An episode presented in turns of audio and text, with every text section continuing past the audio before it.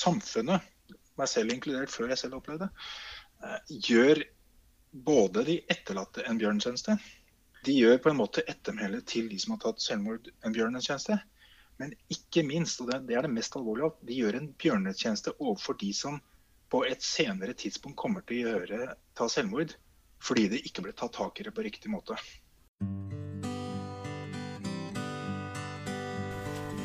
Velkommen til en ny episode av Selvmordspodden.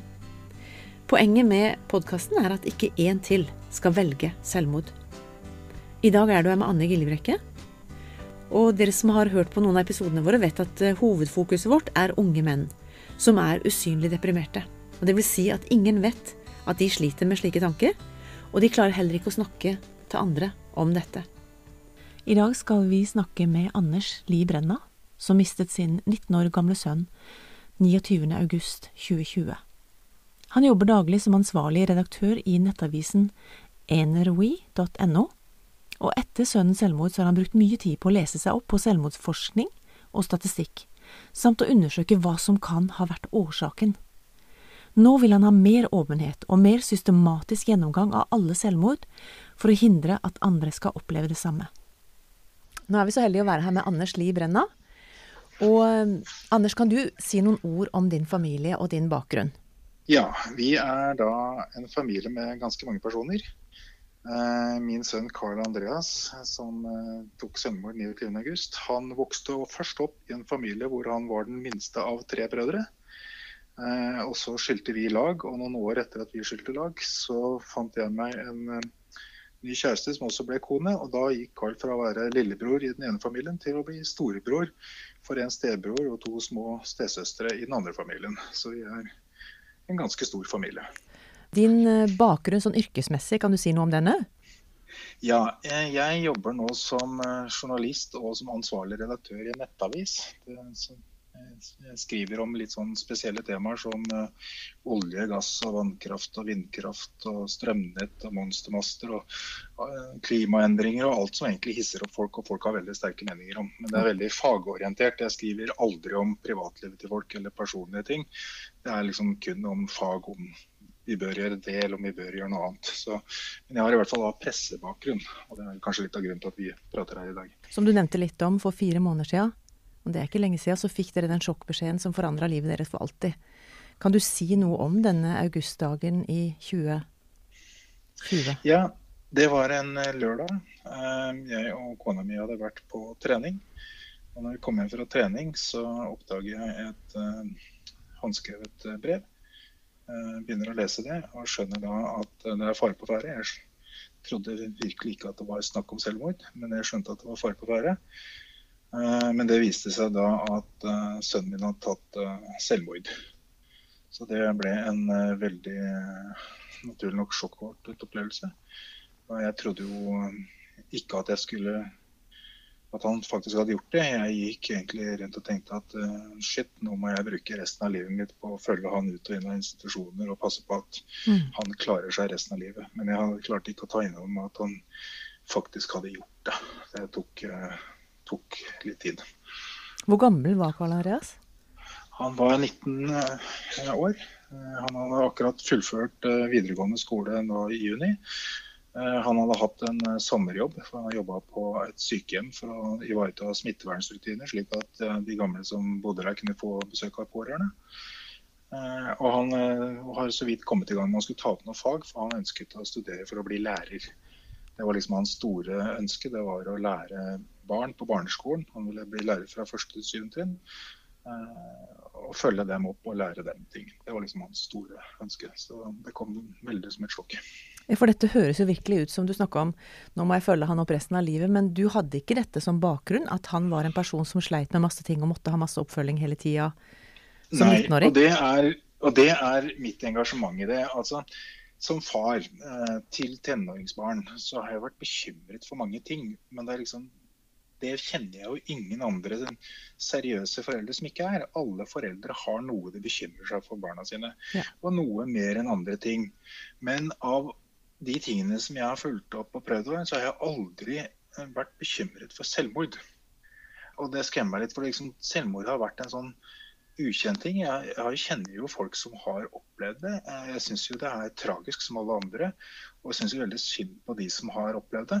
Men jeg har ikke sett noen kobling fra de tingene jeg bekymra meg for uh, sønnen min, til at han skulle ta det. Mm. Og så kan du si at I ettertid så har jeg brukt disse månedene og ukene på å lese meg opp og jeg er veldig sånn til å lese meg på ting, så jeg leser meg opp på statistikk, eh, på selvmordsforskning og på alt mulig som har med det å gjøre, for å prøve å forstå dette her. Mm. Og da kan du si at Med den kunnskapen jeg nå sitter, både med det jeg har lest, det jeg har snakka med jeg var så heldig å gå til en psykolog som også er selvmordsforsker, så jeg liksom fikk ordentlig innsikt i hva de vet, hva de ikke vet. og sånt. Ja. Så ser jeg jo at det er ting som jeg kanskje skulle tolket som det i ettertid, men som jeg ikke hadde forutsetninger for å skjønne. Og, og det at jeg ikke hadde forutsetninger for å skjønne det, det syns jeg er skremmende. Fordi mitt yrke og min personlighet også er å søke etter informasjon. Mm. Altså jeg har som jobb å gå og stille spørsmål om ting. Og det er også en personlighet jeg har, at når jeg lurer på noe, så undersøker jeg det. Jeg stiller spørsmål. Jeg er vant til å plukke opp telefonen og ringe og spørre noen. Jeg er vant til å grave meg ned og lese store, tunge rapporter. Eh, og jeg har lest masse om ting man bekymrer seg for eh, tenåringsgutter. Jeg er en person som har prøvd å søke opp all informasjon som finnes, ja. som kan være relevant for både min sønn mm. og også mine stebarn. For jeg er glad i å lese. Jeg leser mye. For alle spurte hvorfor, liksom, ikke sant? Ja, og da, da, er frustrasjonen min at selv jeg, som er en person som oppsøker informasjon, har ikke lest noen av disse tingene som man faktisk vet om selvmord. Bare ta noe så enkelt som det som kjøres en kampanje nå, som er veldig bra at man kjører. At hvis man mistenker at noen har selvmordstanker, så skal man ikke gå rundt grøten og liksom spørre hvordan har du det, går det bra med deg. Man skal spørre konkret har du selvmordstanker. Mm. Det var en ting som jeg ikke visste når jeg oppsøker all informasjon.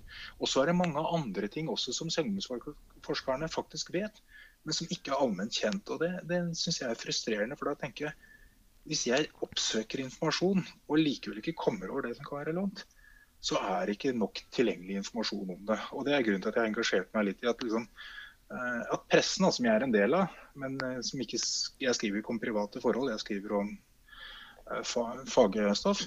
Men at den pressen som skriver om privatfolk, de må faktisk skrive litt mer om dette med selvmord.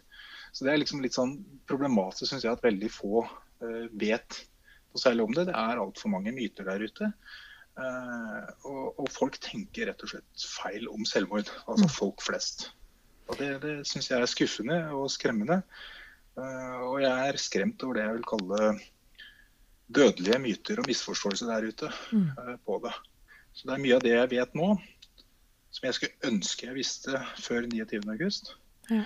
Og så er jeg alltid veldig nøye med å påpeke at selv om jeg hadde visst det jeg vet nå, så er det jo langt fra sikkert at jeg hadde løst det. Det er ikke et knips igjen at bare jeg hadde visst dette, så hadde jeg løst det. Men, men, jeg skulle så gjerne ønske at jeg fikk en mulighet til å ha mer kunnskap på forhånd, slik at det kanskje kunne hjulpet. Uh, og så ønsker jeg at andre skal slippe å oppleve det samme, slik at hvis andre får mer informasjon, så kanskje de kan slippe å oppleve det du og jeg og dessverre altfor mange opplever. Og Det er liksom min frustrasjon og drivkraft at jeg har prøvd å skrive litt om dette, og også tatt, vært intervjuet en gang om dette her. Ja, for du har skrevet noen kron kronikker, er det det heter, selv, og så har du blitt intervjua av Nettavisen. Og ja, jeg har skrevet tre kronikker som har vært veldig presserelatert, i og med at jeg er pressemann. Og Den første jeg skrev, var en som jeg ba om at skulle ligge bak en betalingsmur, slik at bare pressefolk fikk tilgang til. Der var tittelen bare 'Noen tanker om selvmord og journalistikk'. Og Da, da skrev jeg liksom sånn mine litt råtanker. Jeg prøvde å holde meg saklig og faktabasert og vise til statistikk der og sånt. Men liksom sånn at andre journalister som jobber litt med sånn private saker og eventuelt kan touche inn på, kan få litt innblikk i hva det er. Mm. Eh, så har jeg også skrevet en kronikk hvor jeg har gått ordentlig systematisk gjennom statistikk, som også denne Nettavisen-artikkelen som jeg mener viser at eh, det er noe helt riv ruskende galt i hvordan vi som samfunn, men også pressen, omtaler selvmord. At vi omtaler for lite og vi omtaler feil. Og så lot jeg meg irritere litt, og det prøver jeg ikke å skrive når jeg blir irritert. Men det var en, en, en, kjennelse i Pressens faglige utvalg, altså de som vurderer om journalistikken holder seg til etisk regelverk eller ikke som eh, felte en avis, Oppland Arbeiderplass for at de hadde omtalt eh, dødsfall som selvmord. Og De hadde gjort en del kritikkverdig, så var ikke det, men begrunnelsen i den var bl.a. slik at eh, man burde være forsiktig med å omtale selvmord fordi det kan føre til selvmord. Den har jeg hørt noen ganger, ja. Ja, og det som er problematisk er at når de utvalget satt og diskuterte dette, så var det ikke det de sa, men det var det de skrev i den skriftlige begrunnelsen. Så da kjente jeg at da må jeg faktisk skrive en kronikk og påpeke at det er en farlig, feilaktig begrunnelse. Mm. Fordi når en avis blir felt, eh, og hvis begrunnelsen er, så er det meningen at alle andre aviser alle skal kunne lære av det og se ok, nå var det noen som gjorde en feil. Da må vi endre vår, vår måte å dekke det til neste gang. Og da var jeg bekymra for at den begrunnelsen der eh, ville bli brukt til å få enda mindre journalistikk om selvmord. Så det, det, har jeg skrevet om. Men det, det som har liksom kjent igjen det jeg har skrevet, at jeg har prøvd å skrive for pressefolk. For jeg mm. ønsker liksom at det er pressen skal endre litt i måten de omtaler selvmord. Eh, til en litt mer konstruktiv og en litt bedre måte, men først og fremst omtale selvmord i mye større grad enn i dag. Det jeg kan si store kjepphesten min. da. Ja. Kan jeg spørre om hvor lang tid det tok før du bestemte deg for at du ville ta opp en kamp i forhold til dette her, og ikke bare tenke at nå skal jeg bare beskytte familien min og, og holde dette for oss sjøl? Hvor, hvor, mange dager eller uker gikk det før du tenkte at uh, dette ønsker jeg å være åpen mot, eller dette ønsker jeg å opplyse din for noen yrkesgruppe om? Ja, jeg, jeg, vil vel ikke kalle det en kamp, for jeg føler ikke at jeg kjemper en kamp. Uh, uh, jeg tror det gikk veldig fort. Jeg hadde tankene allerede før begravelsen. Uh, jeg husker ikke akkurat når jeg publiserte den første, men det var ganske kort tid etter. Så vi snakker fire, fem eller seks uker at den første ble publisert. Mm. Men det er viktig for meg at jeg, sier at jeg opplever det ikke som en kamp. Jeg opplever det som at jeg ønsker å opplyse om noe som jeg mener samfunnet som helhet gjør feil. Ja. Og det som er veldig viktig for meg, er at jeg, det er ingen Jeg går ikke til angrep på noen. Jeg går ikke til angrep på verken noen personer, etater, politikere eller noen for å si at dere har gjort feil. Nei, nei, nei. Det, det, det er absolutt ikke det. Det jeg ser, er at OK, når jeg har sett og lest meg opp på statistikken, eh, faktaene og på selvmordsforskning, så ser jeg bare hm, her er det vi som samfunn som gjør feil. Og da inkluderer jeg meg selv, bare så det er veldig klart. Mm. Bare si at Den holdningen vi har til selvmord, den er feil. Den er problematisk. Den gjør at vi ikke tar tak i problemet og gjør noe med det. Eh, for holdningen er i og for seg eh, med alle gode intensjoner om at vi ønsker færrest mulig selvmord. Mm. Det, det, finnes ingen uenighet om det. det absolutt ingen. Absolutt alle er helt enige om det. Alle syns synd på de etterlatte det er ingen som ønsker å gå til angrep på de etterlatte. fordi ja, hva om du hadde gjort noe annet eller gjort det ene eller det andre, så hadde ikke sønnen din eller datteren din eller mannen din eller kona di eller faren din eller moren din eller hvem det måtte være. Nei, det er ingen som ønsker det. Alle ønsker å være skånsom. fordi alle skjønner at når noen har opplevd selvmord, så er det noe av det verste du kan oppleve i livet. Mm. Uh, så ingen ønsker å gjøre noe vondt. Eller. Men det som er konsekvensen av denne tankegangen, er at samfunnet meg selv inkludert før jeg selv opplevde det, eh, gjør både de etterlatte en bjørnetjeneste. De gjør på en måte ettermælet til de som har tatt selvmord, en bjørnetjeneste. Men ikke minst, og det er det mest alvorlige, de gjør en bjørnetjeneste overfor de som på et senere tidspunkt kommer til å gjøre, ta selvmord fordi det ikke ble tatt tak i det på riktig måte. Dette er en ganske radikal ting som du skrev om i den nettavisen, eller som du sa. Ja. Men hvorfor kan vi ikke snakke om det, da? Hvorfor tør ikke folk å snakke om det, verken presse eller folk? Noe er historisk og tabu. Noe er etterlatte som ikke ønsker å omtale fordi det er så tungt. Ja. Eh, men, men, først og fremst så det, blir det ikke tatt tak i, for man ønsker å skåne de etterlatte. Eh, men hvis du ser på sånn som jeg har gjort, og dette er litt, jeg er litt sånn spesiell type journalist òg. Eh, for jeg er ikke en journalist som egentlig liker å skrive. Jeg gjør ikke det. Oi, det var en ny variant. Ja, jeg var den eneste på journaliststudiet som noensinne rakk opp hånda og sa at for alle reiste seg opp og liksom sa ja, jeg blir journalist for jeg elsker å skrive. Og jeg var den eneste som reiste meg og sa at vet du, jeg er sikkert den eneste her, men jeg liker ikke å skrive. Men jeg elsker å lese nyheter. Jeg er noe så helt annet at jeg er veldig glad i tall. Jeg er veldig glad i tall og fakta. Heldig du. Og når jeg har funnet noen tall og fakta som jeg syns er veldig interessant, så jobber jeg en del med å prøve å gjøre den forståelig for folk flest. For folk har ikke lyst til å lære tall, men når de får noen virkelig godbiter, så får de en sånn aha-opplevelse som skjønner OK, da skjønner jeg det.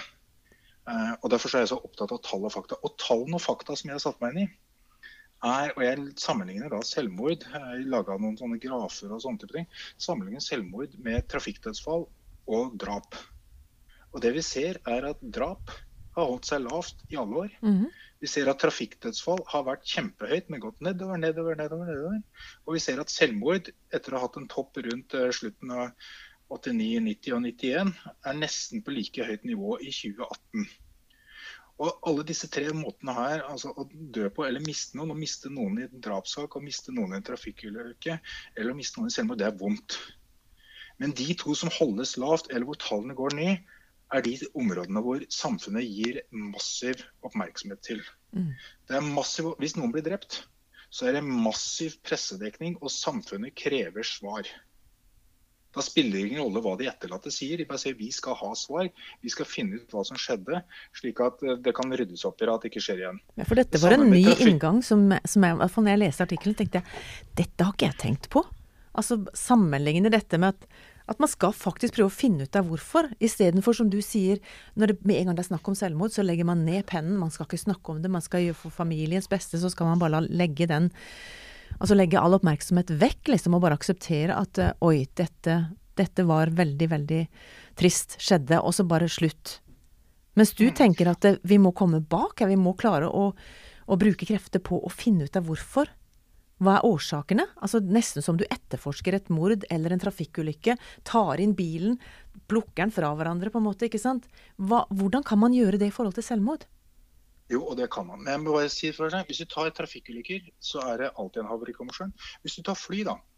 Denne uken her ble det kjent at det er Boeing 737 Max-flyet, som det datt ned to fly av, de har vært satt på bakken i to år. Det har kosta mange milliarder dollar. Mm. Mange, ikke én, ikke ti, mange mange milliarder dollar. Og Norwegian er et av selskapene som kanskje går eh, til over ende, delvis pga. det. Antall dødsfall i de to der var 330 personer, passasjerer. Så antall selvmord i Norge tilsvarer at det detter ned fire sånne store passasjerfly.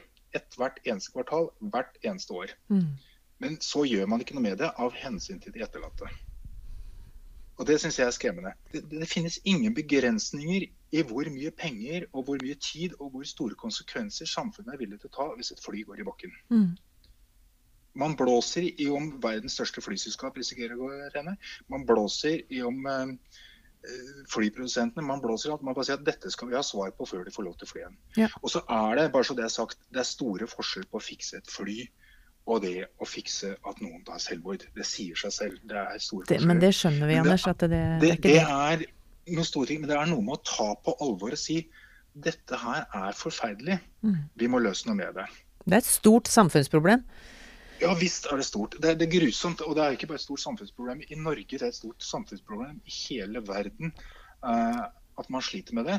Og problemet er at man gjør ikke nok med det hvis de ikke får oppmerksomhet. Nei. Og her, hvis, kan si, Det er mange som har hatt som sagt, tragiske dødsfall. eh, men det er først når man sier at vi skal ha svar. Og Da snakker jeg ikke om svar hvem har skyld. Er det far? Er det mor? Er det noen venner i klassen? Er Det noen andre? Det er ikke den type svar vi er ute etter. Mm. Det er ute etter svar. Hvordan kan vi lære av dette for å redusere? Og Her mener jeg at samfunnet mangler ambisjoner. Fordi ja, selvmord er et vanskelig problem. Mm. Eh, Det, det, det er kjempevanskelig. Og, og selvmord er ikke like, men noen av selvmordene har likhetstrekk. Andre er mer forskjellige enn den type ting. Men hvis man hadde gitt dette problemet en flombelysning på riktig vis, så burde det tiltrukket verdens smarteste mennesker. Jeg mener jo at det er en tragedie at det ikke er ambisjoner til stede for å si noen bør sette sammen et team her, og ambisjonen er intet mindre enn en nobelpris i medisin Oi. Å finne ut liksom, hvorfor har vi ingen som har ambisjoner her. For hvis, hvis vi tar e- e- et selvmord, da, det, det er jo helt absurd at noen er i stand til å ta sitt eget liv. At de på et eller annet vis er der. Det er jo noen kjempeproblemer som man ikke har knekt koden på. Mm. Og de selvmordsforskerne som jobber med det, jeg syns de fortjener ordentlig skryt og ære for alt de gjør. De som jobber i helsevesenet, som forsøker å gjøre det, fortjener skryt og alt er. Og så feiles det mange steder. Eh, Det feiles på tre nivåer i mine øyne. Det feiles på at vi har problemer med at folk ikke tør, og da folk er typisk menn som ikke tør å si fra. Mm. Så de tar livet sitt uten å si fra. Det feiles på det andre nivået.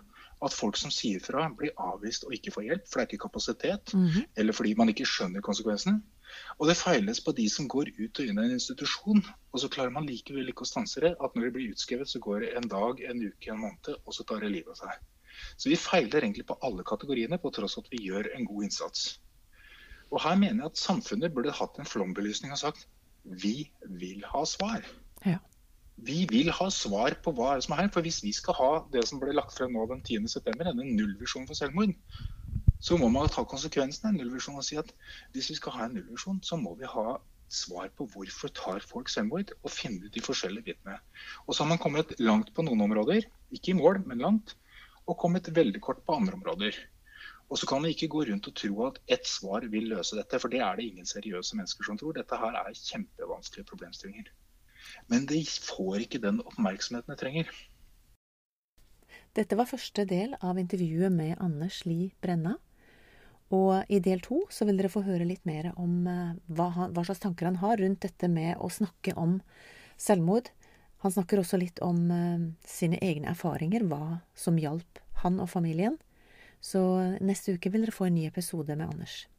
Takk for denne gang, og så håper vi at vi høres igjen neste uke. Helt til slutt har jeg lyst til å fortelle hvor du kan få hjelp. Kirkens SOS er en døgnåpen krisetelefon. Det samme er Mental Helse. Leve, Landsforeningen for etterlatte ved selvmord. Legevakten 116 117. Kors på halsen, Røde Kors sitt tilbud. Det er en samtaletelefon for barn og unge under 18 år. Og så er det tilbudet som heter Snakk litt, mellom Helsesista, Kirkens SOS og Nyby. Helt til slutt har jeg bare lyst til å takke deg for at du har vært med på denne episoden, og ønsker deg alt godt videre.